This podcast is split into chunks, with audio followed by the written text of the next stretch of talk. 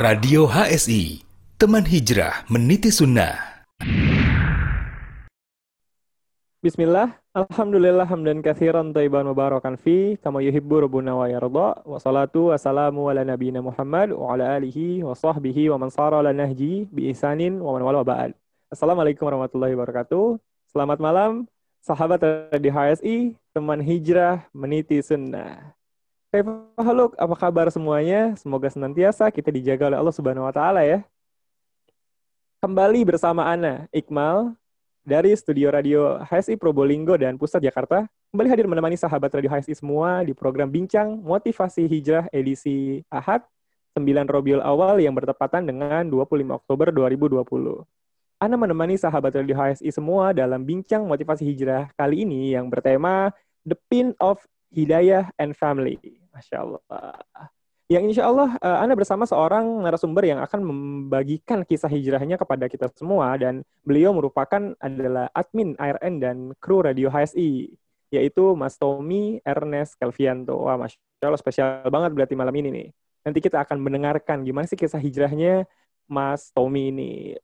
Dan untuk sahabat Radio HSI, kami kembali ingin mengingatkan untuk semua tayangan Radio HSI bisa sahabat semua akses di website kami di www.radiohsi.com yang di dalamnya semua sudah ada medsos kita lengkap. Ada Instagram, Facebook, Twitter, Pinterest, LinkedIn, dan juga pasti ada channel YouTube kami di Radio HSI yang jangan lupa like, subscribe, dan serta jangan lupa juga nyalakan loncengnya agar sahabat Radio HSI semua tidak ketinggalan konten-konten menarik dari Radio HSI. Oke, ini kalau kita membahas uh, soal hijrah ya, setiap orang tuh pasti punya kisahnya masing-masing hijrah. Hijrah tuh luar biasa. Sekarang jadi hype banget gitu.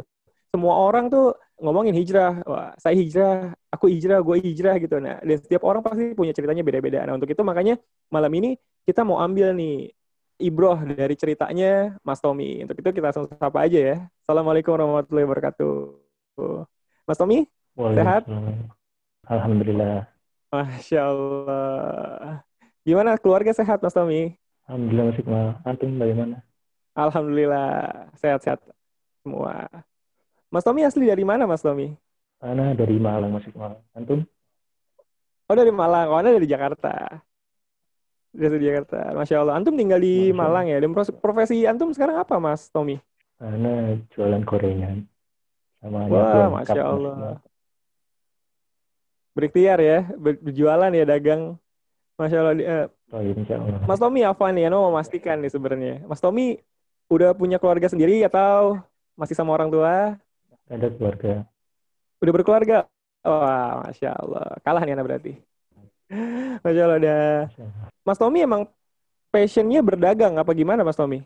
Iya, anak suka dagang sebenarnya Mas. Dari kecil sih. Oh, emang suka dagang ya? Dari kecil? Masya Allah. Yeah.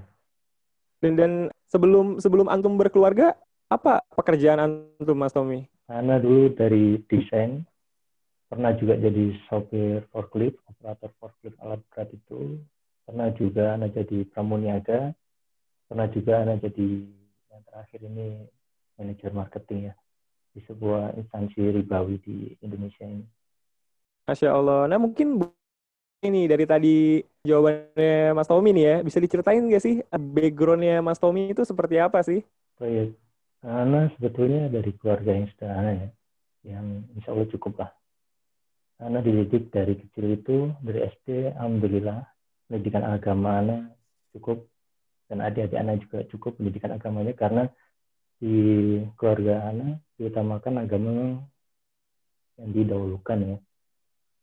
Di tahun 2004 insya Allah itu masih rame-ramenya itu. TPQ di wilayah Ana ini di kampung Ana itu sering ngadain lomba antar kecamatan atau antar kelurahan dan pada saat Ana masih SD Ana sudah kenal itu namanya sunnah. Sunnah cingkrang apa itu jenggot kenapa harus dipelihara. Cuman ormas yang anak anut ini itu yang saat ini kodarulanya sudah dibubarkan.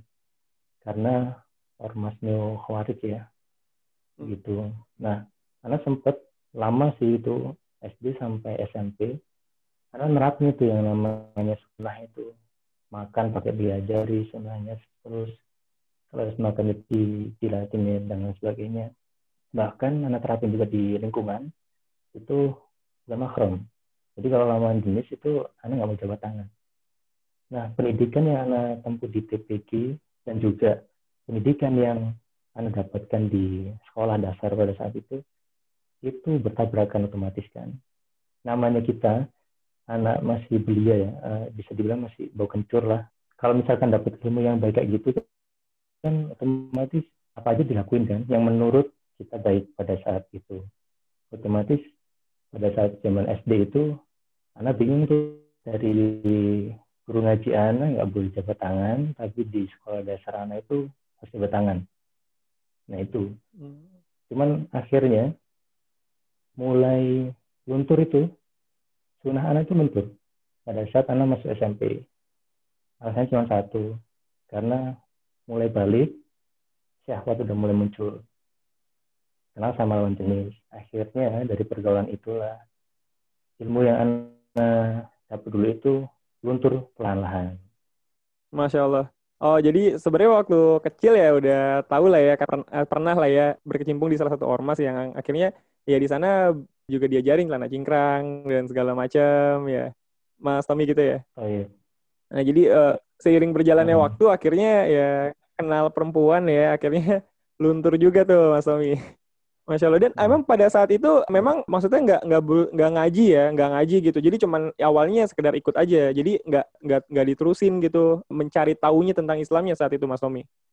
Nah pada saat SMP itu Ana sempat eh, masuk di PDI ya Benda Islam di SMP Ana. Cuman pemahaman yang anak anut di SMP dan juga di kajian anak di lingkungan itu beda. Manasnya udah beda gitu. Otomatis ini jadi pertimbangan juga. Ini yang anak anut yang mana ini? Yang di sekolah seperti ini. Karena anak nggak nemuin jawaban dan juga ada satu titik di mana makin luntur lagi itu anak sempat dilarang ikut kajian yang di lingkungan. Alasannya cuma satu, karena anak terlalu dini dinilai sama orang tua anak. Khawatirkan, anak nanti jadi yang teroris. Karena zaman itu masih ramai, insya Allah, teroris-teroris itu. Apalagi dengan penampilan yang seperti itu, kan. Dan anak masih anak di bawah umur. Otomatis wajar, umrah orang tua yang khawatir. Cuman pendidikan yang anak terima di lingkungan dengan yang di sekolah itu anak lebih masuk yang di lingkungan. Karena di lingkungan anak itu guru ngaji yang ustadz anak itu anak favoritin dulu.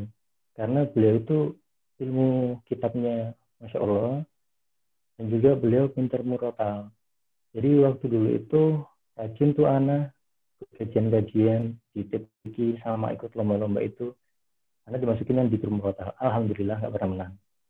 Masya Allah. Nah terus setelah perjalanan itu akhirnya kan Mas Tommy uh, melanjutkan ke SMA dan akhirnya mulai bekerja atau emang udah awalnya dagang Mas Tommy? Nah di SMK itu anak kan di bidang multimedia pada saat itu. Nah anak mulai menggeluti di bidang itu animasi sama desain pada saat itu. Nah menariknya pada saat magang itu anak dikontrak sama salah satu perusahaan itu untuk kerjasama dengan Bapeda di Madura di Sumeneb itu bikin CD interaktif. Nah di situ Ana mulai ke besi tuh kalau Ana misalkan dikontrak terus dikasih royalti segini bisa kali ya. Karena nanti itu jualan ibaratnya skripnya. Nah kalau materi di sekolahan itu kan nggak lengkap. Otomatis kan kita harus banyak eksplor kita bikin sendiri cari-cari sendiri akhirnya ketemu. Nah pada saat mau ujian anak mulai jualan tuh. Kamu butuh skrip apa karena beda script full screen atau minimize atau close secara otomatis nah punya nih cuman kodarulanya pada saat itu anak masih ahli hisap dengan rokok. Jadi hmm. royalti yang anak dapat itu kalau nggak rokok ya pulsa. Apalagi zaman itu kan anak masih belum mampu itu beli yang namanya apa? Handphone yang bermerek lah. Zaman itu anak cuma mampunya paling yang polifonik nah jadi kalau nggak pulsa ya rokok itu. Setelah lulus SMK itulah baru Ana memang disaranin sebetulnya sama orang tua bahkan sama nenek Ana itu buat kuliah. Cuman Ana memilih adik-adik Ana aja yang kuliah. Ana mau kerja aja. Karena kan anak anak pertama kan. Dia Ana milih buat merantau pada saat itu setelah lulus SMK itu masih Pak Hmm, Masya Allah. Dan saat saat bekerja itu ya, Mas Tommy yang tadi dari SMK itu penghasilannya bagaimana Mas Tommy? Lumayan kah atau standar? Alhamdulillah pada saat anak kerja di SMK itu anak tiga bulan. Kalau hasilnya tidak sebanding. Cuman bagi anak SMK uang segitu nggak cukup pada saat itu karena anak cuman proyekkan itu tiga bulan jalan jadi dua bulan kita di Sumeneb hunting foto-fotonya di 27 kecamatan di Madura itu kemudian satu bulannya kita balik ke Malang selesai baru kita presentasiin kayak gitu Mas Imam Masya Allah ya uh, buat ukuran anak SMK ya lumayan ya segitu ya Mas Tommy ya Misalnya bisa buat yeah. tadi beli pulsa ya, dan dipakai akhirnya buat beli rokok gitu ya. Uh, Masya Allah. Berarti udah nggak nyusahin orang tua ya di situ Mas Tommy ya. Udah bisa berpenghasilan sendiri. Masya Allah. Keren banget sih. Nah setelah setelah itu setelah, setelah lulus SMK dengan pengalaman Mas Tommy tadi di SMK udah bekerja. Setelah itu Mas Tommy pekerjaannya apa Mas? Nah setelah lulus SMK itu Ana langsung ke Denpasar. Ana dapat kontrak kerja di sana itu sebetulnya satu tahun cuman kodarulanya anak dua bulan di sana ada sedikit masalah sama kesehatan anak karena cuaca dan juga anak dulunya nggak kuat AC. Anak di sana jadi desainer itu. Dia yang ngeset kain apa meteran itu. Yang lonjoran panjang-panjang di toko kain toko kain itu yang motif-motif kayak backgroundnya antum itu. Nah anak dulu desainnya kayak gitu. Di pabrik kayak gitu. Baru dari situ Ana balik kan dua bulan dari Bali. Itu Ana langsung ke sidoarjo. Di sidoarjo itu melenceng udah dari apa passion Ana desain Ana jadi operator forklift tahun Ana di sana setelah setahun Ana di sidoarjo karena kontrak nggak perpanjang Ana balik ke Malang itu Ana tahun 2013 pertama kalinya Ana mengenal yang namanya trading forex. Trading? Kayak gitu Mas Iqmal. Masya Allah. Bisa diceritain yeah. waktu bekerja di trading itu seperti apa Mas Tommy? Nah, di trading forex itu Anda awalnya lihat dari film Mas. Iqmal. Anda tertarik dari sebuah film karena penampilannya keren. Anak muda, laki, masih puber, ada penampilan keren, uh, duit banyak siapa yang nggak kepengen itu kan? Nah Ana pada saat itu masih aktif main Facebook. Baik. Nah Ana ada lawan tuh di Facebook namanya PT bla bla bla futures gitu ya nah di situ Ana coba ngelamar kayaknya ini sama nih kayak yang di film kemarin gitu kan nah pada saat Ana ngelamar kemarin di perusahaan tersebut itu di Pialang A ya di Piala A ini itu Ana di interview cuma satu jam. Ana di interview satu jam, besoknya disuruh masuk, dan Ana enggak ada namanya training itu enggak ada. Itu masih Jadi ibaratnya Ana nih masuk ke dalam hutan, nggak bawa apa-apa, kemudian suruh kerja gitu. Dan Ana nggak tahu kerjanya ngapain di pialang tersebut gitu. Oh, Masya Allah. Jadi uh, pas masuk kerja di tempat pialang itu, awalnya nggak tahu apa-apa ya. Cuman karena ngelihat film, uh, di sana kerjanya keren, dapat uang banyak. Nah, terus menjalani hari-hari kerjaannya di sana gimana, Mas Tommy? Apa uh, berhasil kah menghasilkan uang yang banyak atau gimana, Mas? Karena kodarulonya selama empat bulan itu nggak ada yang namanya training. Karena cuma diajarin aplikasinya ini, kamu jualannya ini, dan kunci utamanya kalau kamu mau dapat duit banyak itu cari uh, database atau kontak sebanyak-banyaknya buat kamu prospek. Ibaratnya kita jadi marketing lah. Cuman marketingnya marketing duit, bukan marketing barang. Duitnya pun fana, kita nggak tahu nanti arahnya mau ke mana. Nah, lucunya lagi itu anak itu cuma punya handphone poliponik, disuruh jualan grafik grafiknya itu ada banyak mata uang di situ. Logika anak udah mulai nggak masuk di situ. Terus gimana caranya anak jualan? Akhirnya disuruh ngeprint tuh. Jadi setiap pagi jam 8 itu kita morning morning briefing itu kita ngeprint hari ini pergerakannya di mana, kira-kira nanti larinya ke mana. Setiap hari kayak gitu. Dan selama empat bulan itu gak ada namanya gaji pokok, Mas Iqbal. Oh, Allah. Jadi nggak ada Nah, gaji pokoknya ya? karena orang tua tahu, iya. Nah, karena orang tua tahu, Ana nggak dapat gaji pokok di perusahaan itu, Ana disuruh resign. Tapi Ana masih penasaran, sebenarnya kayak gimana sih kok ada orang-orang itu yang perginya pagi, bawa mobil, terus siang udah pulang. Hmm. Jadi nggak harus sampai jam 5 gitu. Jadi siang itu dia pulang, terus nanti paling balik jam 5, jam 6, dia cuma ceklok, ceklok pulang. Itu aja kerjaannya, tapi duitnya ada gitu. Nah, karena anak nekat ya, namanya orang penasaran kan, anak nekat, anak minta ibaratnya kelonggaran waktu sama orang tua anak. Coba deh kasih saya waktu satu bulan lagi, kalau nggak bisa, ya udah saya ngikut mau diarahin ke mana gitu kan. Anak pindah ke pialang satunya lagi, pialang B namanya. Nah, ini pialangnya di mall, yang di mall. Kalau di mall otomatis kan lebih keren lagi daripada yang sebelumnya. Hmm. Karena looknya aja udah keren kan kalau di mall. Iya. Di situ Anda ditawarin gajinya 750 ribu per bulan. Itu diterima full kalau misalkan Anda dapat nasabah senilai 100 juta. Kalau nggak dapat nasabah 100 juta, itu nggak full. Hmm. Dihitung berapa kali Anda sebulan itu ketemu sama orang yang kira-kira bisa closing bulan depan. Kayak gitu Mas Iqmal. Gitu, Masya Allah. Dan, dan di saat di saat itu Mas Tommy tembus nggak targetnya tuh Mas Tommy? Alhamdulillah sama sekali Iqmal. Karena gimana kita mau kerja sukses ya, kalau misalkan orang tua itu udah nggak ridho. Dan sebulan anak di sana, anak putusin buat keluar. Cuman HRD anak di sana itu, beliau cuma pesan satu hal. Kalau misalkan kamu nanti mau balik lagi, langsung hubungi anak aja. Ya nanti kamu langsung masuk. Ya udah, anak kan pamit baik-baik. Anak keluar dari perusahaan pialang B itu, Nah, di sini Ana ke Palu. Ana merantau lagi ke Palu, ikut Om Ana di redaksi koran di sana. Karena kodarulnya Om Ana punya redaksi koran, jadi Ana dijadiin desainernya di sana. Ya kadang nyambi juga sih cari-cari berita buat ceperan gitu kan lumayan. Oh, dan dari situ, dari titik itu, eh, Mas Tommy akhirnya balik lagi nggak ke pialang saham atau udah akhirnya ninggalin aja tuh pialang saham? Nah, bodohnya anak-anak kembali lagi Mas Iqmal. Karena nurutin penasaran. Oh, Masya Allah. Dan Balik lagi ya ke sana ya. iya, Hmm. Karena tertantang itu- mungkin ya. Ada yang belum tuntas di sana. tertantang dan dulu itu anak gengsinya tinggi. Gengsinya tinggi Mas Iqmal.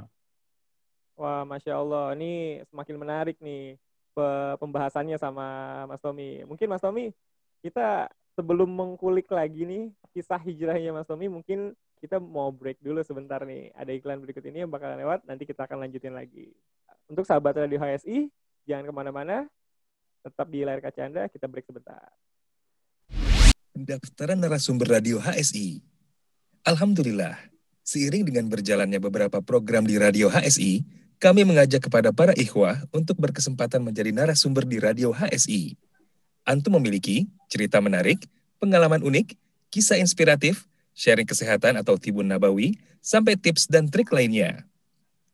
Profesi, pengusaha atau pedagang, teknik, IT, sipil, kedokteran, perawat atau bidan, ustadz, petani, guru, pegawai, freelance, dan lainnya. Nah, silahkan disalurkan melalui radio HSI. Eits, pastikan juga sumber cerita harus sahih dan tidak fiktif ya.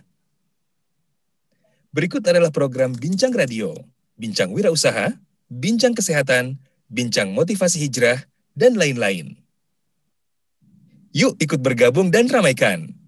Insya Allah, kebaikan sekecil apa pun yang kita berikan dapat menjadi jalan kebaikan yang besar bagi orang lain. Kita tunggu sharingnya ya. Jazakumullahu khairan. Barakallahu fikum. Radio HSI, teman hijrah meniti sunnah. Radio HSI, bersama melawan COVID-19. Sahabat Radio HSI, musim pandemi masih berlangsung di negara kita. Tingkatkan iman dan takwa kita Semoga Allah Subhanahu wa Ta'ala mengangkat musibah ini. Mari bersama kita secara disiplin terapkan adaptasi kebiasaan baru sebagai wujud kontribusi kita di dalam memutus rantai penularannya. Berikut kebiasaan baru yang harus kita terapkan. Satu, pakai masker. Dua, sering cuci tangan dengan sabun dan air mengalir. Tiga, jaga jarak 1-2 meter. Empat, perbanyak asupan gizi dan vitamin untuk tubuh kita. Lima, hindari bepergian tanpa keperluan yang penting atau mendesak. Sahabat Radio HSI, mari bersama-sama kita hentikan penularan COVID-19.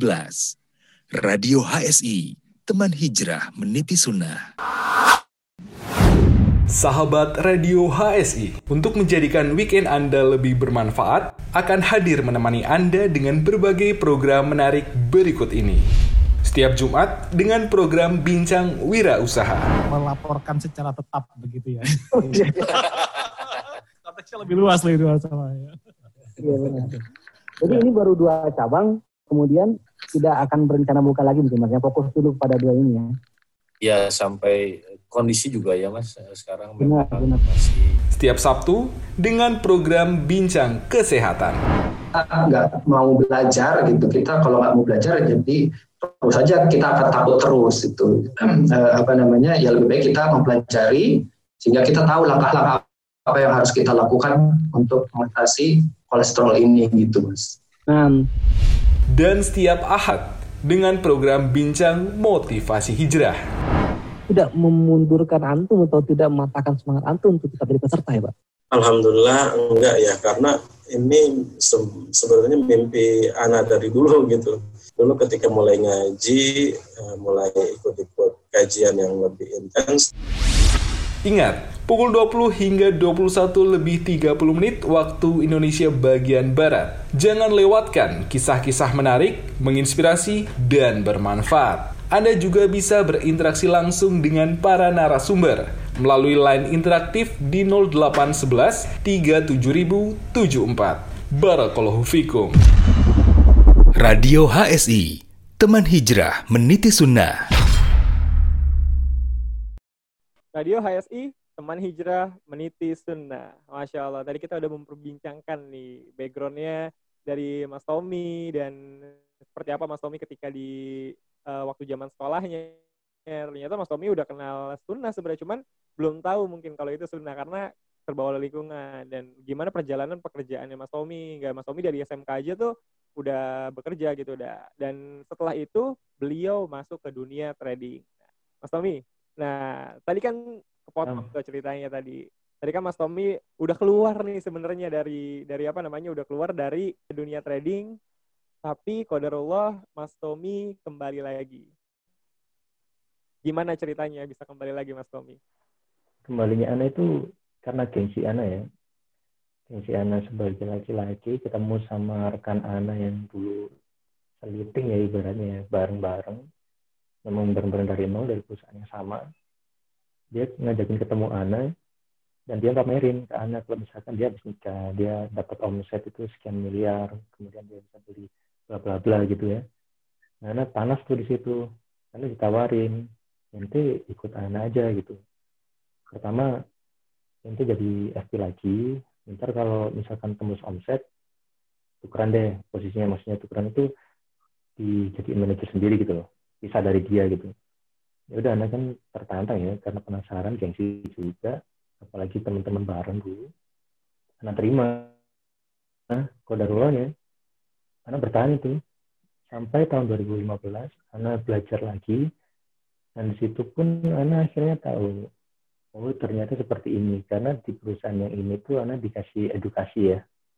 Nah, dikasih edukasi yang dari perusahaan A tadi itu anak nggak tahu apa-apa. Di perusahaan B ini anak dikasih tahu ilmu-ilmunya. Dan bermanfaatnya sayangnya buruk buat anak akhirnya di situ anak terlalu pede dan overconfidence dengan ilmu yang anak dapat sehingga mudah meremehkan orang lain di luar sana. Maksudnya apa? Cuman anak yang tahu tentang forex orang lain yang anak temuin mereka nggak tahu. Seperti itu sih mal jadinya setiap anak ketemu sama nasabah prinsip anak selalu seperti itu. Anak yang lebih tahu masalah dunia forex yang anak temuin nasabah anak ini nggak tahu apa-apa. Kayak gitu de- dengan tekniknya Mas Tommy itu dengan mungkin dengan dengan dengan apa ya dengan pride-nya Mas Tommy seperti itu saat itu Mas Tommy bisa menghasilkan uang banyak Mas dari trading itu. Kalau uang banyak enggak itu sih Mas. Karena dulu itu karena bagi-bagian. Jadi kalau misalkan kita dulu itu ibaratnya keroyokan lah ya.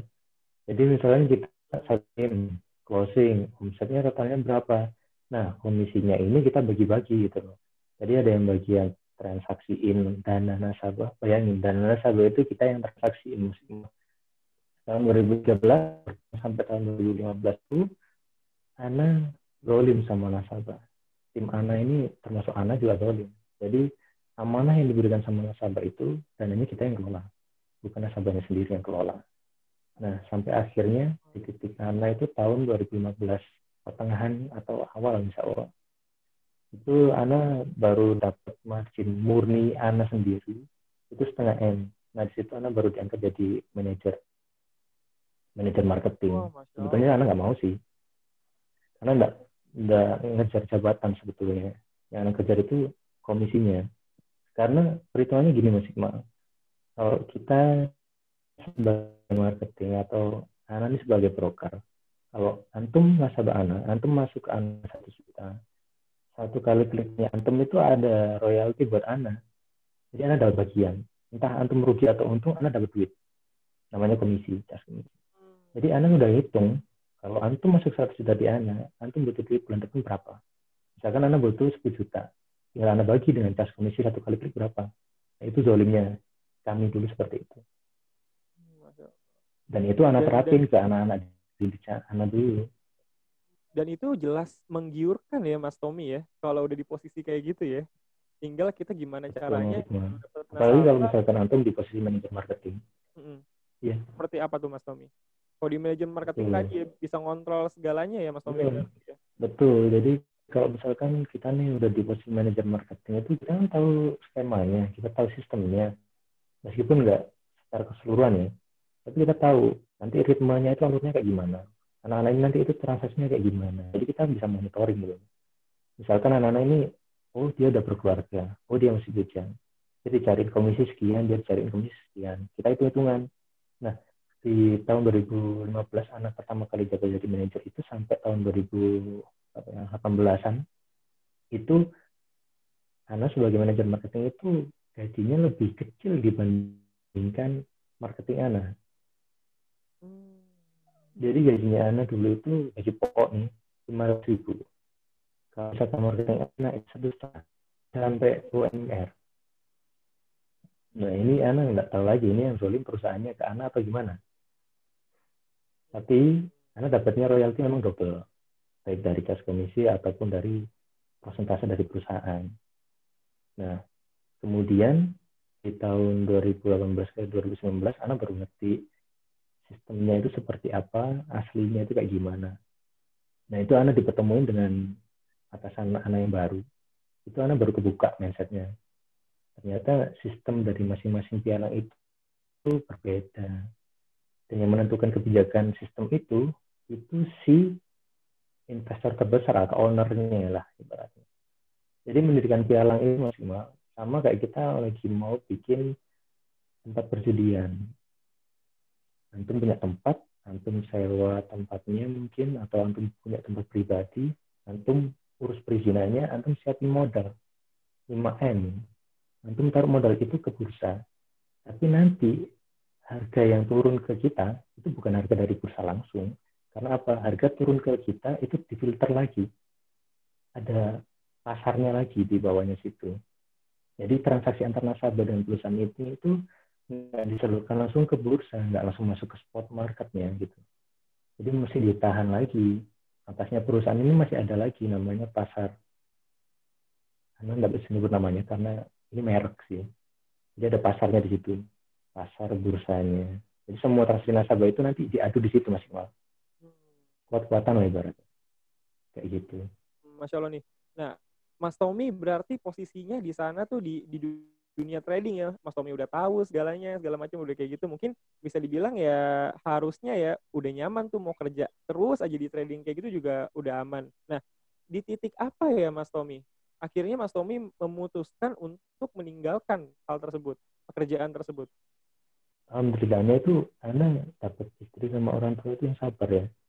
Jadi Hmm. beliau-beliau ini tuh nggak pernah langsung frontal ngelarang Ana, nggak pernah. Cuman paling menasehati atau mengingatkan kalau ya SI kan di reminder ya kalau nggak ngerjakan evaluasi. Nah kalau istri Ana itu ngingetinnya itu lewat itu apa share kajian di Instagram. Kita rajin tuker-tukeran info gitu loh. Nah pada saat itu Ana dikasih tahu. Pertama itu Ustadz Khalid bahas masalah trading forex. Kemudian Ustadz Syafiq. Nah, yang terakhir itu Ustadz Rwandi ya. Nah, Ana masih pakai dalil akli. Namanya dalil kalau udah turun dari Al-Quran dari Rasulullah dan sahabat ya udah kita harus terima kan. Kita nggak usah pikir-pikir lagi ya kita nggak perlu takwil lagi gitu kan. Kita itu siapa gitu? Mau takwil takwil? Nah itu anak masih mendebat secara akal pikiran anak dan anak pakai logika. Anak ngasih keterangan itu sama istri anak ini kan ada akadnya. Yang tidak boleh kan nggak ada akadnya akad yang anak maksud di sini tuh karena ada agreement agreement tertulis untuk si nasabah. Di situ anak nyebutnya akad pembelaan diri anak pada saat itu. Kan bodoh padahal kan nggak boleh. Akan macam apa? Kan dalilnya udah jelas gitu. Udah banyak riwayat juga. Kayak gitu mas Mauna dari beliau-beliau ini doanya mungkin pelan-pelan diijabah sama Allah. Titiknya itu di tahun 2019 awal insya Allah nah itu udah mulai banyak masalah mas Iqmal tim Ana itu mulai kotor satu-satu atau keluar satu-satu. Keluar satu-satunya ini ada yang baik ada yang karena ada masalah. Nah, yang karena ada masalah ini keluar nggak pamit, tiba-tiba dapat dua bulan, nasabah datang ke kantor, nyariin Ana, komplain marah-marah gedor-gedor meja, teriak-teriak, nanyain, duitnya kemarin Ana tarik, cuman kok nggak masuk di rekeningnya saya gitu. Nah, ATM-nya dipegang ibu atau dipegang siapa? Kan harusnya kan masuknya di rekeningnya ibu gitu kan ya. Rekeningnya dibawa sama timnya sampean loh. Nah, di sini kan udah nggak jujur juga. Secara nggak langsung mungkin karena memang nggak ngajarin seperti itu tapi karena kan juga ikut jolim di sini ceritanya kan yang mencurangi klien seperti itu itu masalah pertama mas Iqmal Iya. pertama itu tadi karyawan anak keluar sendiri-sendiri sama ada masalah dari nasabah. Nah yang kedua ada masalah internal. Baik dengan pimpinan kepala cabang dan juga dari staf internal perusahaan. Di situ skemanya dirubah terus. Setiap satu bulan itu skema buat manajer bahkan buat FD atau marketingnya itu berubah-ubah maksimal. Bahkan zolimnya Ana marketing yang ngelamar ke anak itu nggak digaji sama sekali. Dan kita carinya itu yang sarjana. Kan zolim aduh bodoh masya Allah anak itu. Anak sarjana kuliah mahal-mahal ngelamar di Ana nggak anak gaji. Baru anak kasih duit kalau misalkan dia closing minimal 10 juta aja sebulan. Dan itu pun anak kasih satu juta. Kayak gitu maksudnya. Masya Allah dan, dan ketika tadi uh, udah mulai banyak masalah seperti itu dan mungkin Mas Tommy juga ngerasa udah nggak nyaman juga ya dengan kondisi seperti itu. Nah akhirnya tadi sempat dengarkan cerita dari uh, istri selalu uh, orang tua. Nah berarti uh, istri ini sudah ngaji duluan apa gimana Mas Tommy? Iya, jadi sebetulnya anak ketemu sama istri anak itu kodarulahnya beliau ya yang lebih pakem ibaratnya ya ustadz ustadznya itu lebih pakem dibandingkan anak karena anak pada saat awal hijrah itu cuma penampilan aja maksimal banyak kan kita penampilannya itu nuna kita berjenggot kita celana cingkrang kita suka sholat sunnah dan mengamalkan sunnah-sunnah yang lain. Tapi ada musik kita joget maksimal jadi ke karaoke kita nyanyi maksimal nah anak dulu masih kayak gitu. Hmm. karena di tempat ribawi itu kalau entertain meeting itu kan kita pasti diajakin ke tempat-tempat kayak gitu. Memang sih anak nggak semua aneh-aneh cuman tetap nikmatin musik kan jatuhnya kan. Habis meeting ada tempat karaoke-nya kita ikut nimbrung di situ meskipun cuma minumnya lemon tea gitu kan kita nikmatin. Kayak gitu nah jadi beliau itu lebih pakem ya. Sampai anak dapat kajiannya Ustaz Yasid pembahasan tentang akidah itu tentang Nuna itu itu anak masih kaku kaget. Kok bentak-bentak gini sih? Maksud anak kalau dakwah santai aja gitu loh. Karena pada saat itu ini juga jadi bagian ini mas. Makanan yang kita terima dari hal riba itu bikin hati kita tuh gelap jadi kita nerima yang benar itu susah kayak gitu ya Nah, Masya Allah. Nah, setelah tadi kan dari Antum nih udah ngasih kajian dan Antum ternyata kan juga udah mulai dengerin. Nah, di titik apa Antum akhirnya tergugah tuh, Mas Tommy? Akhirnya, ah ini harus buat tinggalin nih. Misalnya kayak gitu. Di titik seperti apa tuh, Mas Tommy? nah itu pada saat 2017 sebelum anak nikah sih. Awalnya itu sebelum anak nikah. Itu udah mulai ke hijrah situ masuk mah jadi ini anak ceritain sedikit flashback ya. Dari Iya. 2017 itu ada masalah besar memang yang jadi anak di keluarga. Yang mungkin anak ceritakan nah di situ pertengahan bulan Ramadan. Jadi setelah musibah itu anak benar-benar tobat nasuha anak benar-benar minta restu sama orang tua anak terutama ibu anak anak mohon banget direstui apa pun pekerjaan yang halal dan berkah buat anak dan keluarga. Dan juga anak minta tidak dapet jodoh. Karena khawatir anak nanti itu nyeleweng lagi gitu maksudnya kan kita kan naik turun. Kayak baterai kan. Nah itu apa kalau baterai gitu anak nggak tahu nanti siapa yang ingetin gitu. Nah itu anak dapat kajiannya Ustadz yang fashionable, Ustadz gaul lah, ya. Itu dari HRD Ana pada saat Ramadan. Hmm. Karena anak simak gitu HRD Ana perubahan, ada perubahan di HRD Ana. Yang biasanya itu kalau misalkan sebelum Ramadan, kita sholatnya di musola atas kantor ya. Nah pada saat Ramadan ini, dia tiba-tiba religi banget. Yang didengerin kajian, terus sama murta-murta, anak penasaran yang tanya. Tumben sampai dengerin kayak gini ya. Nah, di situ anak munafik anak penampilan Juni. Tapi ada HRD anak kayak gitu anak tanyain. Kan kurang gitu kan ya. Anak tanyain nah, akhirnya anak dikasih tahu ini coba dengerin kajian-kajiannya coba kamu baca nah, dengerin. Pas itu momennya kodarulnya pas. Ya lebih ke motivasi sih sebetulnya ya. Karena akhirnya juga anak tinggalin Ustadz itu kan. Karena kan kita ngeliat Ustadz bukan dari follower gitu kan tapi kan berdasarkan mahatnya itu itu yang pertama yang bikin Ana mulai lagi mengenal sunnah mengaji lagi sunnah. Penampilan Ana mulai berubah itu maksudnya. Ana mulai memelihara jenggot Ana mulai motongin celana sampai pada titik nah itu zamannya itu Ana masih pakai pin. Masih pakai pin untuk komunikasi. Nah Ana mau pindah gadget itu pas di 10 malam Lailatul Qadar insya Allah. 10 malam terakhir lah ya. Itu Ana lagi beresin kontak-kontak yang di gadget lama mau pindah ke gadget baru. Ada satu kontak di situ masih mal satu kontak itu akhwat Ana nggak tahu beliau siapa. Karena zaman itu kan rajin tuh. Pasti ada yang BC BC pin dan lain-lain gitu kan. Nah itu Ana invite aja tapi nggak tahu. Bentuknya makhluknya sebenarnya nggak tahu gitu itu anak japri. Kali aja ini nasabah saya atau nasabah uh, teman Ana gitu kan dulu. Kali aja bisa jadi database gitu kan. Ana masih positif thinking itu di situ. Ana nggak mikirin jodoh mikirin duit. Nah kodarullahnya ternyata dia uh, adik kelas Ana di SMK jadi anak kelas 3 dia masuk kelas 1 Ana nggak pernah tahu bentuknya seperti apa akhirnya Anda coba tanyain langsung itu. Nah, pengertian anak pada saat itu, anak pengen ta'aruf. Cuman ta'aruf yang anak tafsirkan atau takwilkan itu tidak sesuai dengan yang aslinya, Mas Iqmal.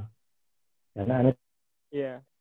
cuma tahunya tuh nggak usah ketemuan, nggak usah pacaran, pas menikah, hajar nikah kayak gitu. Nah itu anak langsung tuh ngajakin kitbah. Mbak kalau misalnya ketemu sama pria yang seperti ini bla bla bla bla gimana keluar nggak masalah tafadul gitu kan. Ya udah ngajakin ketemuan nanyain kalau misalnya kamu nikah itu kayak gimana cocok besoknya ketemu orang tuanya misalnya akad sudah selesai. Gitu mas. Akhir. Hangat akadnya virus corona. Nah di situ anak udah mulai itu setengah hati kerja di forex. Karena ya mungkin mulai terkikis ya hati anak dari doa doanya tidak dari anak di dunia ini ibu dan istri Ana. Nah di situ Ana mulai tidak nyaman dan Ana sampai single factor masih mal. Jadi Ana jabatan aja manajer, penghasilan itu nggak selayaknya manajer, tapi kerjanya double sendirian single factor. Nah di situ kalau misalkan anak peka itu udah jadi tanda sebenarnya sama Allah Inte udah nggak jodoh di sini. Inte itu kalau memang hijrah ya udah hijrah aja yang total karena Allah gitu kan. Dan di situ kodarulannya anak ketemu sama teman-teman yang soleh. Anak nggak pernah disalahin anak nggak pernah diingetin itu riba itu dan lain sebagainya. Anak cuma ditemenin aja ngaji diajakin ngaji ke masjid di Malang sini ada banyak. Ini diajakin aja. Nah, di situ Anda mulai pelan-pelan kebuka. Anda mulai putusin awal Januari 2020 insya Allah itu Anda lepas semua udah Anda total resign. Itu maksimal. Masya Allah. Berarti tadi ya berawal dari bulan puasa. Yang dari flashback tadi bulan puasa dapatin uh, yang ternyata jadi istri antum ya Mas Tommy dan ternyata di situ istri antum uh, sering share kajian dan akhirnya Allah tuh ngasih sign ya ke Mas Tommy ya bahwa dibikin gak enak gitu kayaknya kerjaan itu udah udah sign banget dan Mas Tommy tuh tangkep dan alhamdulillah dan Allah ngasih jalan lain dengan teman-teman di, dipertemukan dengan teman-teman yang luar biasa berarti ya nggak nggak ngejudge nggak apa nemenin aja Mas Tommy yang penting gimana caranya biar Mas Tommy tuh nyaman aja sama mereka dan bisa berubah gitu Mas Tommy ya intinya.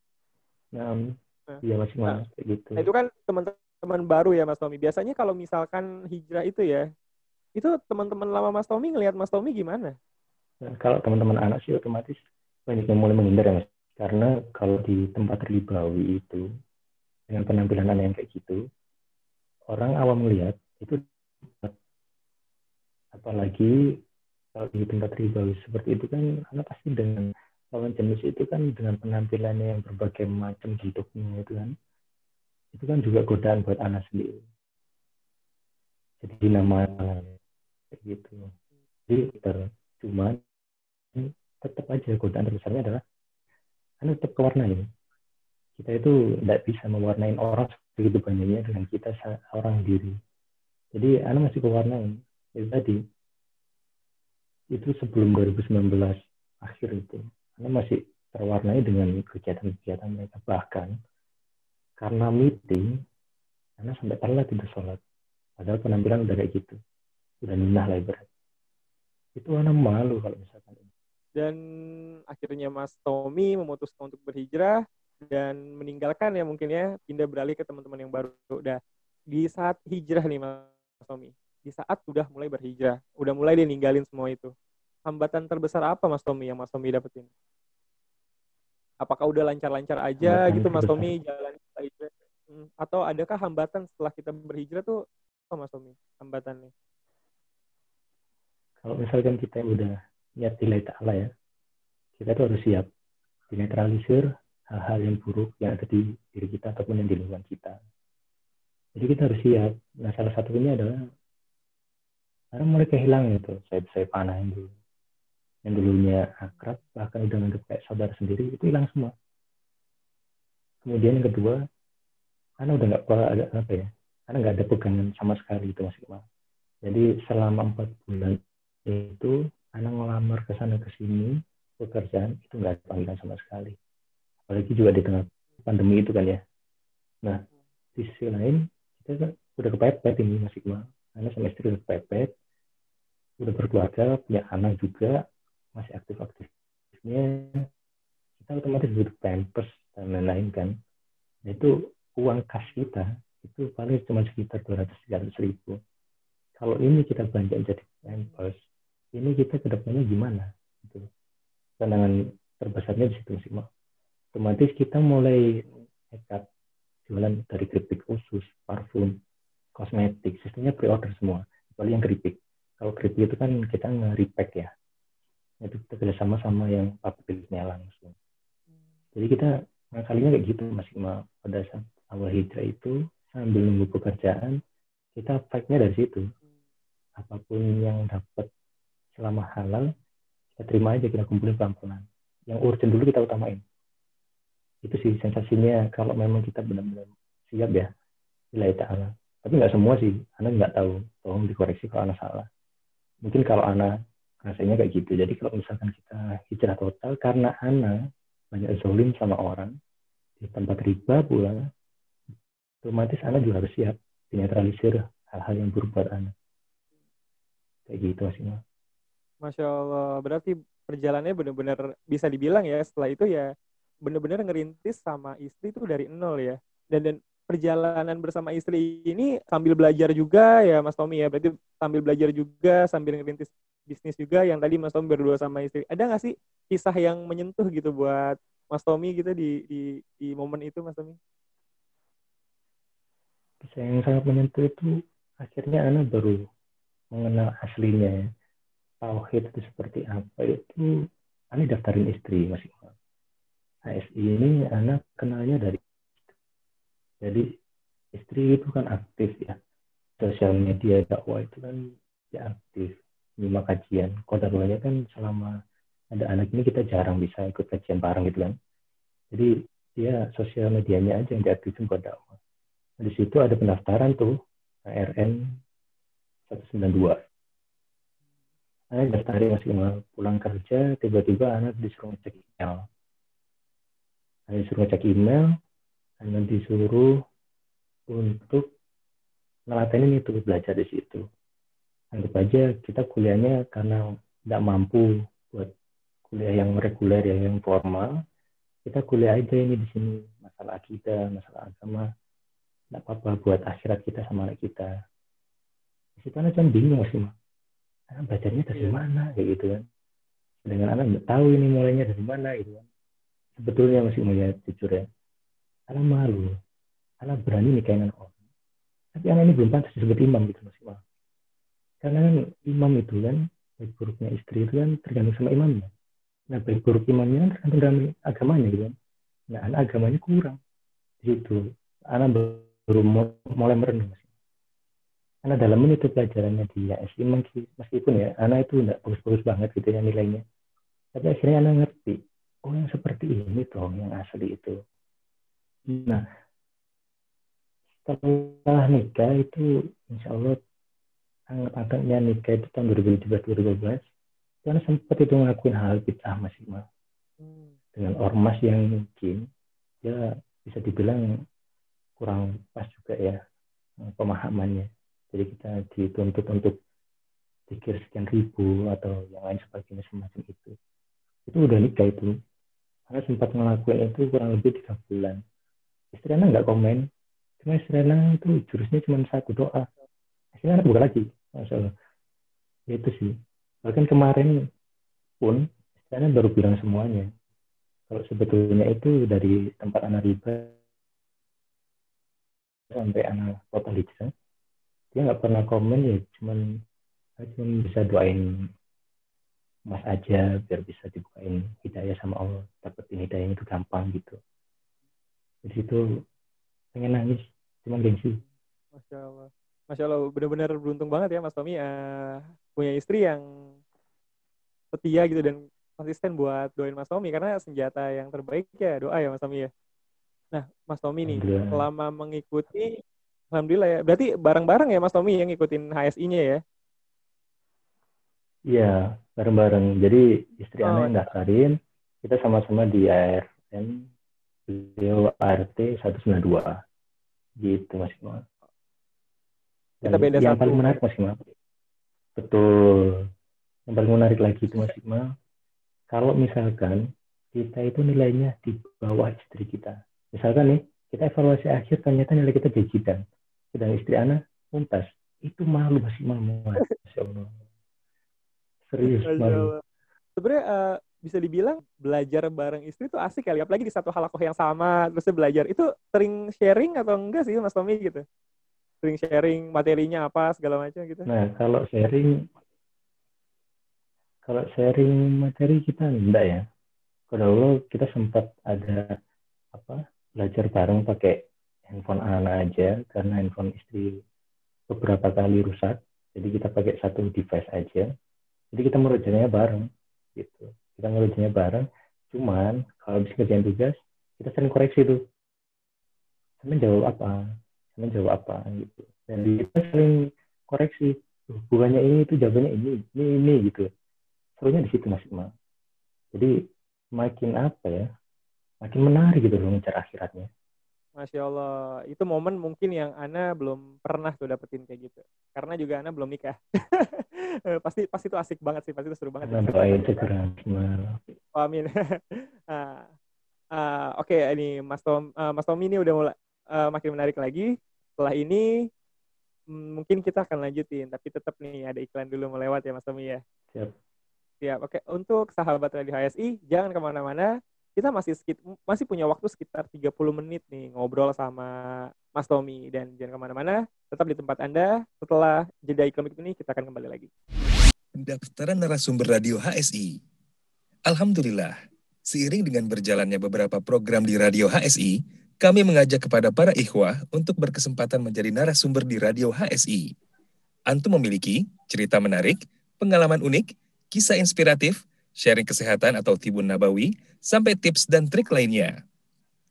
Profesi, pengusaha atau pedagang, teknik, IT, sipil, kedokteran, perawat atau bidan, ustadz, petani, guru, pegawai, freelance, dan lainnya. Nah, silahkan disalurkan melalui radio HSI. Eits, pastikan juga sumber cerita harus sahih dan tidak fiktif ya. Berikut adalah program Bincang Radio bincang wirausaha, bincang kesehatan, bincang motivasi hijrah, dan lain-lain. Yuk ikut bergabung dan ramaikan. Insya Allah, kebaikan sekecil apa pun yang kita berikan dapat menjadi jalan kebaikan yang besar bagi orang lain. Kita tunggu sharingnya ya. Jazakumullahu khairan. Barakallahu fikum. Radio HSI, teman hijrah meniti sunnah. Radio HSI, bersama melawan COVID-19. Sahabat Radio HSI, musim pandemi masih berlangsung di negara kita. Tingkatkan iman dan takwa kita. Semoga Allah Subhanahu wa taala mengangkat musibah ini. Mari bersama kita secara disiplin terapkan adaptasi kebiasaan baru sebagai wujud kontribusi kita di dalam memutus rantai penularannya. Berikut kebiasaan baru yang harus kita terapkan. Satu, pakai masker.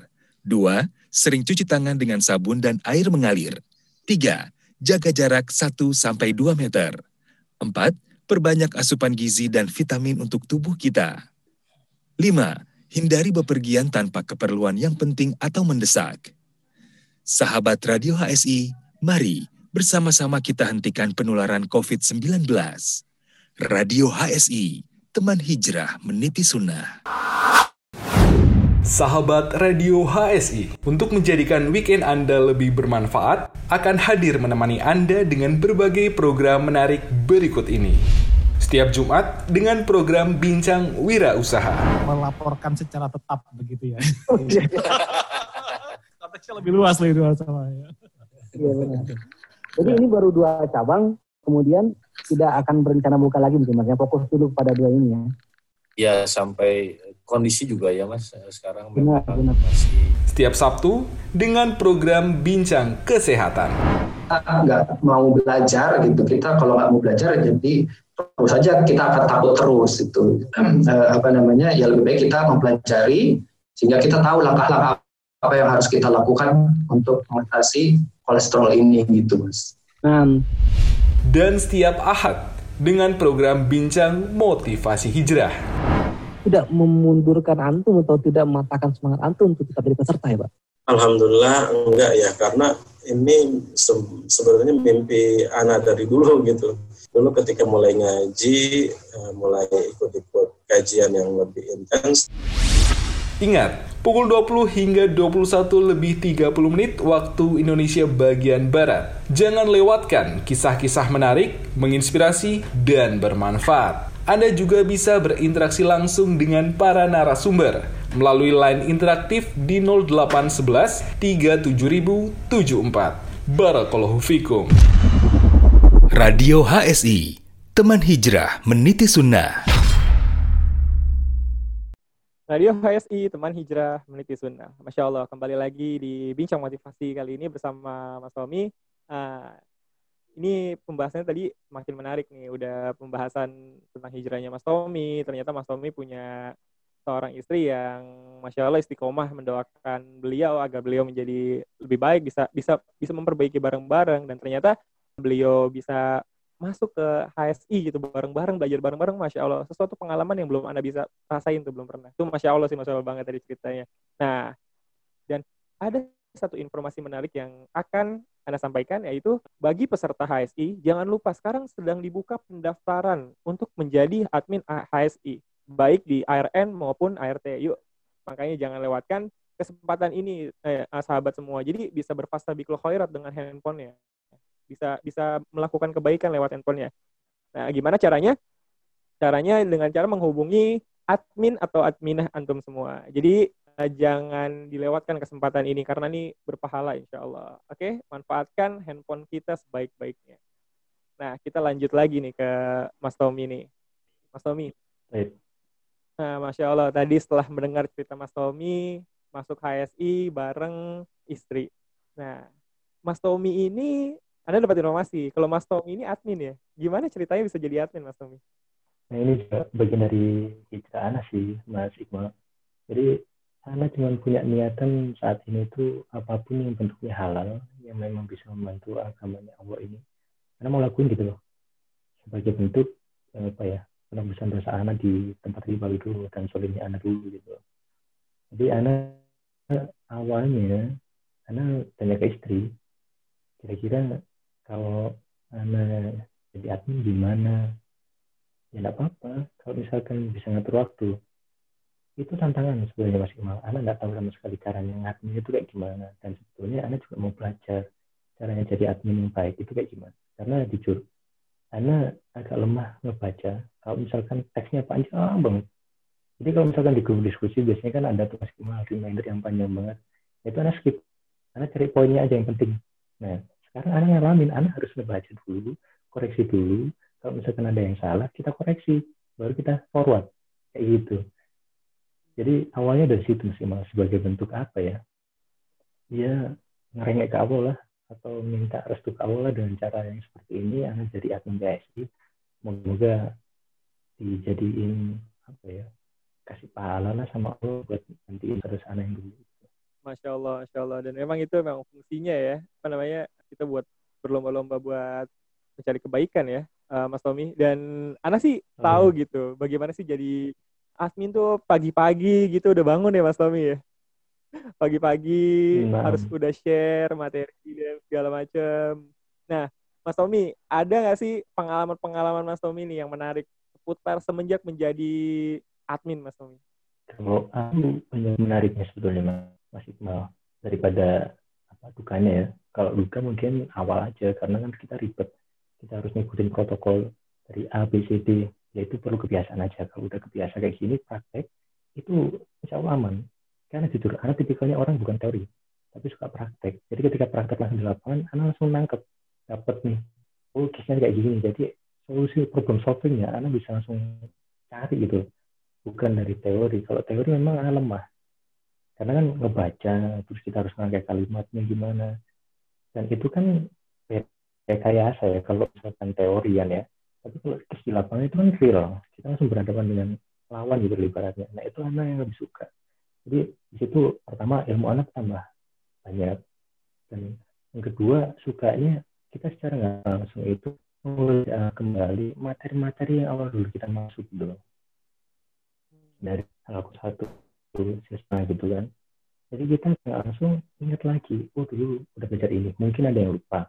Mungkin kita nggak punya posternya dulu rangkuman-rangkuman posternya. Nah itu kita bisa remind apa ilmu kita dulu gitu sukanya di situ. Dan enaknya lagi kalau misalkan kita jadi admin itu mungkin banyak teman-teman yang soleh saudara-saudara yang soleh. Apalagi kalau misalkan kita adminnya itu sewilayah nah itu bisa kopdar bisa bangun kuah lagi gitu kan. Siapa tahu kalau misalnya saling punya bisnis bisa tuker bisnis di situ. Tanpa harus mengurangi atau melalaikan evaluasi ini masih ada evaluasi pekanan ini buat peserta HS ini. Masuk anak Masya Allah, berarti selama menjadi admin HSI, ternyata di sana bisa membuka relasi ya, Mas Tommy ya? Oh iya, itu. Hmm, Masya Allah, bisa ketemu teman-teman soleh, bisa ketemu bisa bisa melebarkan relasi bisnis. Nah, Mas Tommy nih, ada lagi yang ada mau tanya ini. Biasanya nih, Mas Tommy, kan kalau jadi admin follow up follow up yang belum ngerjain tuh. Belum ngerjain tugas.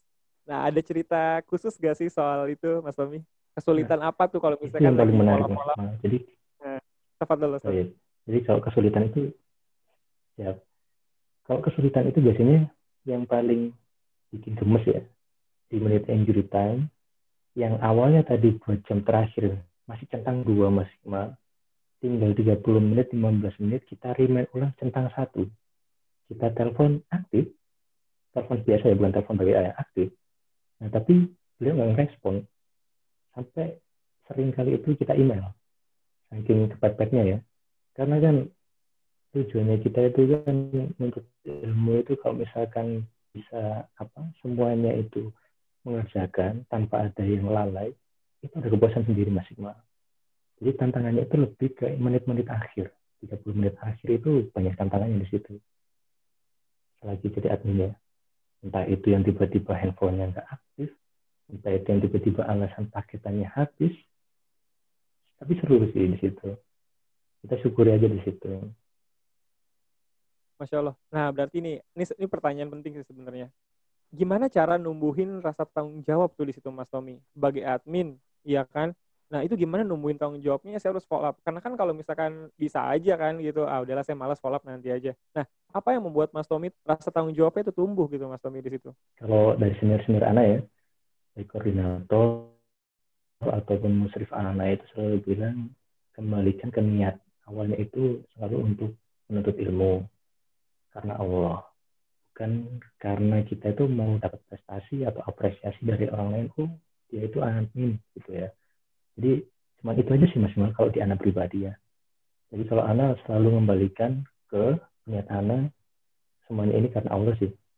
Jadi anak pun juga merasa ke anak sendiri. Kalau misalkan anak nggak mau di reminder atau diwapri sama admin anak ya kalau bisa anak bisa lebih awal lah di grup supaya anak nggak perlu ngejabri satu persatu karena jujur anak paling risih sih kalau di reminder wapri ya. Gitu. Jadi anak lebih milihnya kayak gitu. Kembalikan ke anak sendiri. Kalau anak nggak mau diwapri ya berarti anak harus rajin dong ke peserta anak oh masya allah masya allah. Jadi itu bunyi dari situ ya? Oh iya iya. Iya sih emang kalau misalkan yeah. di Japri itu sebenarnya kalau kalau aneh sih pribadi ya. Kalau di Japri rasanya nggak enak sebenarnya. Oh iya gitu. Tapi aneh makasih banyak sih. Banyak sih sama admin HS itu luar biasa yeah, sih iya. sebenarnya. Mereka tuh rajin banget gitu. Kalau kadang-kadang tuh bener-bener kelupaan gitu. Dan kalau nggak diingetin ya bablas. Dan masya Allah uh, rajin-rajin banget buat ngingetin. Nah Mas Tommy selain menjadi admin di di HSI Mas Tommy juga kan kru dari radio HSI bisa diceritain dikit nggak posisinya Mas Tommy itu sebagai apa sih di Radio HSI? Karena tim pelengkap aja sebenarnya Mas Imam. Tim pelengkap aja. Ya di bagian podcast ya, Anda ya lebih tepatnya di bagian editor. Oh, masya Allah Mas. Mas Tommy di bagian editor ya ternyata ya. Dan dan setelah uh, bergabung di radio nih. Tadi kan kita udah dengerin nih hambatan-hambatan di apa namanya di ketika jadi admin di HSI. Nah sebenarnya kalau misalkan di radio HSI sendiri tuh tantangan terbesarnya apa Mas Tommy? Deadline Mas gimana caranya manage waktu antara draft mentah kita olah jadi finish sampai bisa sampai ke telinga pendengar atau juga itu on time karena kan kita juga punya deadline sendiri ya di radio ya untuk ngerilis di podcast itu setiap hari apa untuk rilis nah, itu kan kadang anak juga harus pintar-pintar bagi waktu di sini anak belajar yang namanya adil adil dengan amanah yang diberi dan apa yang kita terima. Kalau misalkan kita komitmen kita mau terima amanah ini, baik admin ataupun radio, ya kita harus amanah benar-benar gitu. Bukan amanah karena, kembali lagi bukan amanah karena ingin dipandang sama orang ya. Tapi amanahnya itu ya kembali ke niat kita. Kita gabung di sini itu untuk apa sih? Untuk Allah gitu.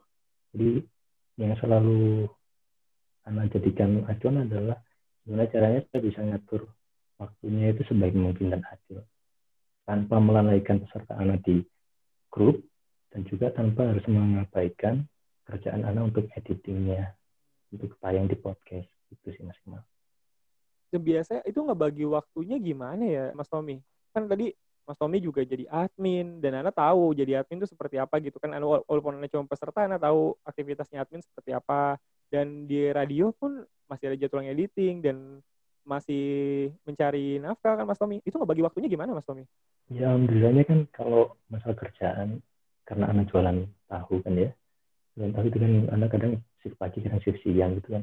Nah, kalau misalkan shift siang itu anak alhamdulillahnya kan ada tandem kalau admin. Jadi admin itu kalau misalkan teman-teman yang jadi admin tapi khawatir nanti bakalan sendiri dilepas itu enggak enggak usah khawatir.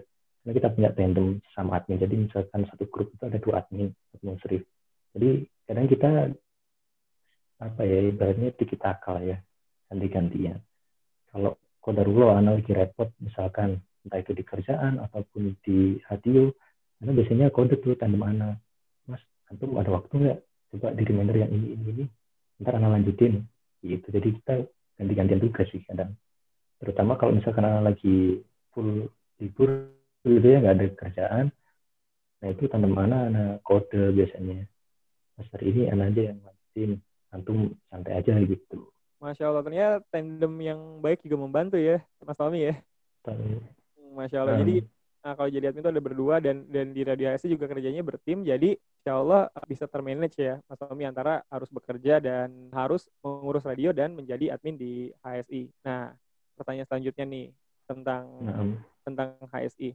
Setelah bergabung di di radio HSI nih, Mas Tommy, eh, Mas Tommy itu mendapatkan apa Mas di radio? Dan ada nggak sih harapan apa? eh, ada harapan apa sih ke depannya buat radio nih, Mas Tommy? kalau selama bergabung di HS itu ini salah satu mimpinya istri Ana ya Mas Iqmal ya. Jadi Ana sempat main-main YouTube kan pada saat di tempat riba itu. Dan gila nah istri Ana itu cuma mimpi dan punya keinginan. Kenapa sih sampean nggak pengen bikin podcast itu sama teman-teman yang soleh atau sama-sama ustadz gitu? Eh, apa sampean coba pendekatan lagi sunnah itu masuk ke anak milenial misalnya kayak gitu. Tapi lihat podcast gitu, masih mal karena lagi rame podcast nih. Nah ini sempat belajar. Tidak sampai fasih ya. Karena juga terpenggalah lagi. Karena anak sempat nganggur 4 bulan. Jadi fokusnya kepecah nah kalau di HSD ini anak bersyukur sih bisa masuk ke radio ini. Secara nggak langsung kan doa istri anak lagi terkabul. Alhamdulillah. Dan anak pun juga seneng. Karena makin dikumpulin sama teman-teman yang soleh. Saudara-saudara yang soleh gitu jadi secara nggak langsung recharge iman terus setiap harinya. Karena kan teman-teman yang soleh ini kan mempengaruhi keimanan kita juga. Lingkungan kita itu mempengaruhi keimanan kita juga. Jadi anak bersyukur. Kalau harapannya sih ya semoga radio kita ini bisa dapat AM atau FM lah ke gitu kan. Nggak cuma di online sosial media aja tapi bisa didengerin di saluran AM atau FM gitu mas.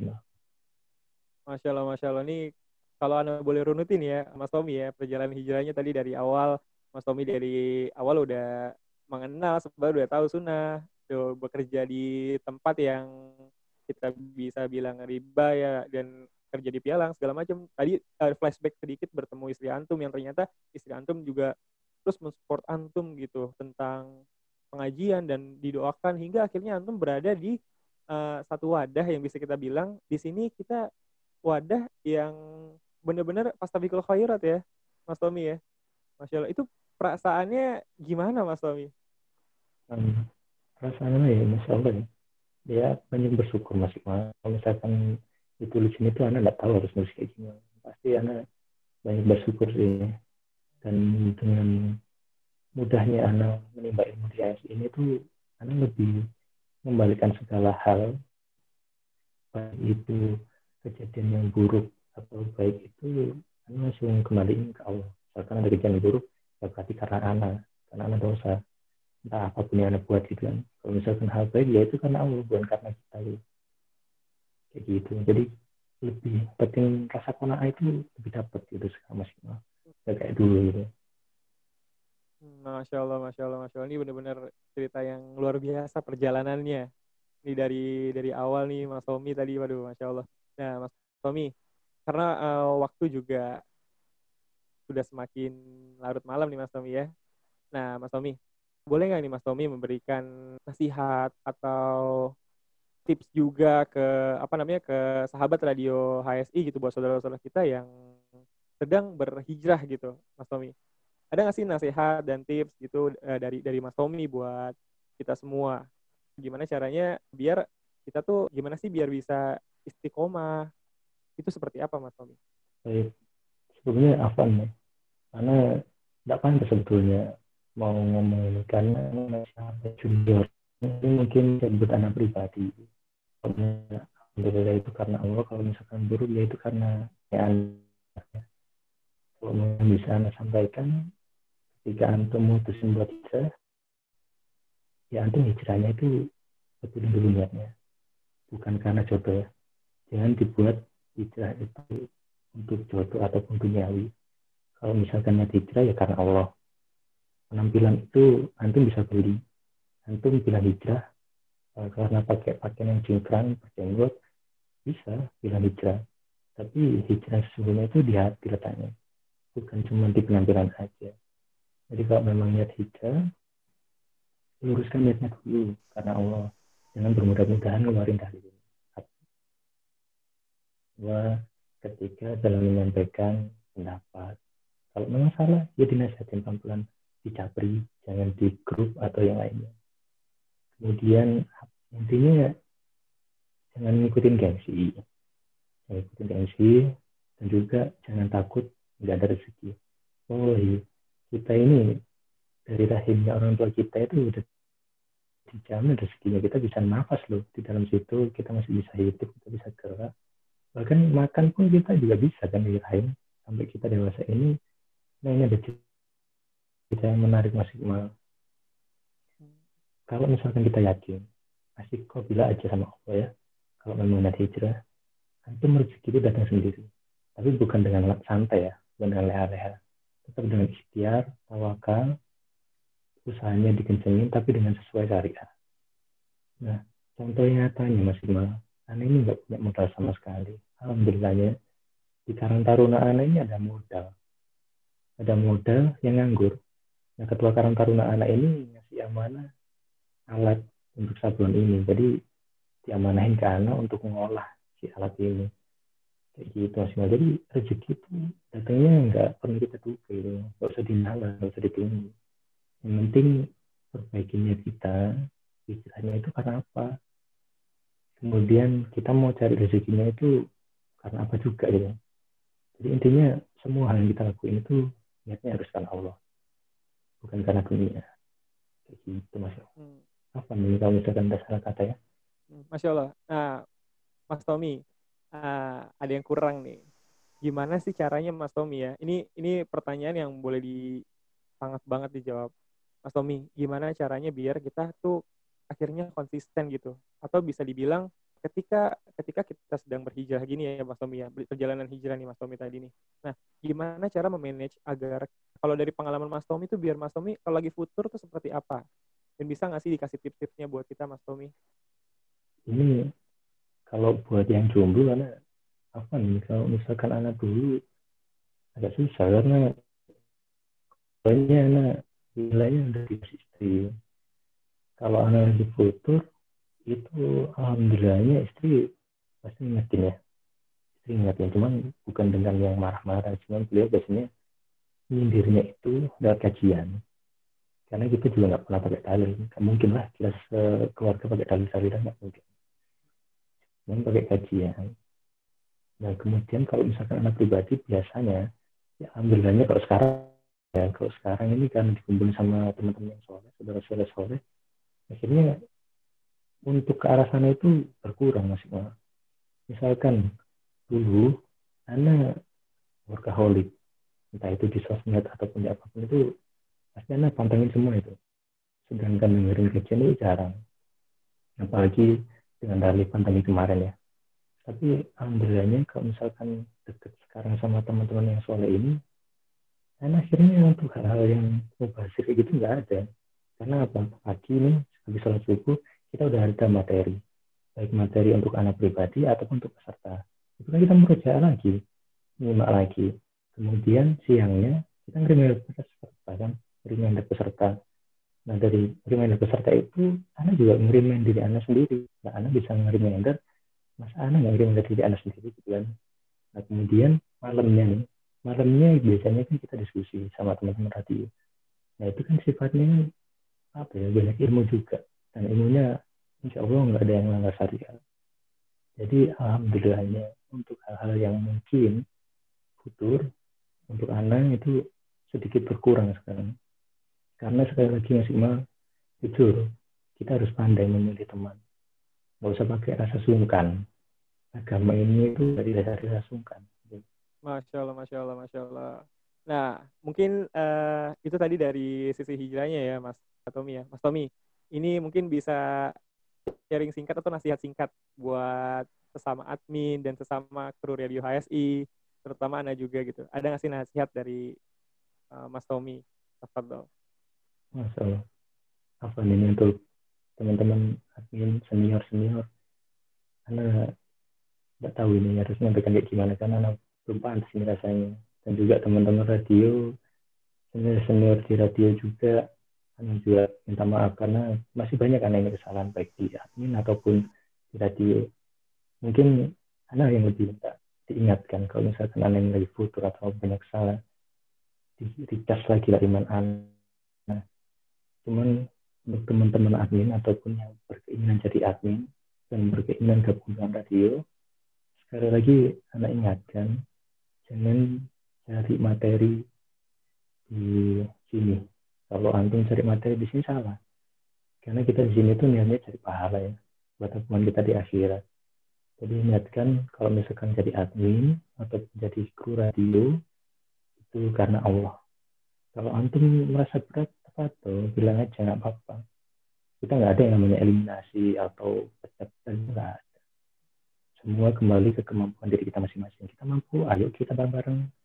Kita nggak mampu ya bilang jadi lebih ke apa ya semoga admin ataupun senior-senior anak musrik koordinator juga senior di radio kita makin guyup lah kita bisa makin berkembang baik sisi ilmu agama ataupun dari sisi radio dan juga mengemban amanah di admin gitu Mas Iqbal. Masya Allah, Masya Allah, Masya Allah, luar biasa banget, luar biasa. Masya Allah, luar biasa banget ini Mas Tommy. Nah, Mas Tommy, udah ada pertanyaan yang masuk nih ke line interaktif kita. Kita sekarang masuk ke sesi tanya jawab ya Mas Tommy ya. Um. Nah, Mas Tommy ini dari Abu Devi. Uh, pertanyaan via line interaktif. Uh, Mas Tommy, bagaimana cara menata hati antum dan keluarga saat antum benar-benar memutus, memutuskan diri dari pekerjaan yang berseberangan dengan syariat dan afwan dengan penghasilan dari usaha sekarang apa tidak pernah terbesit kembali ke pekerjaan yang lama Tafadol uh, Mas Tommy uh, terima kasih kalau untuk terbesit alhamdulillah tidak ada. Jujur anak khawatir.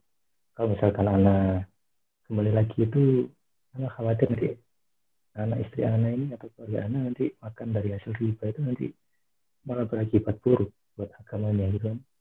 Kalau misalkan cara memanage ya tadi ya, alhamdulillahnya kami tidak mempermasalahkan ya. Dari hijrahnya anak ini dan alhamdulillahnya keluarga kami orang tua kami berdua itu mendukung selama hal itu baik dan tidak ada hal-hal yang yang buruk lah yang dilakukan. Mas Iqbal. Masya Allah, Masya Allah. Semoga tadi bisa menjawab pertanyaan dari Abu Devi ya, dari pertanyaan interaktif. Masya Allah. Dan gak terasa nih, Mas Tommy, sudah berada di ujung waktu bincang motivasi hijrah hari ini.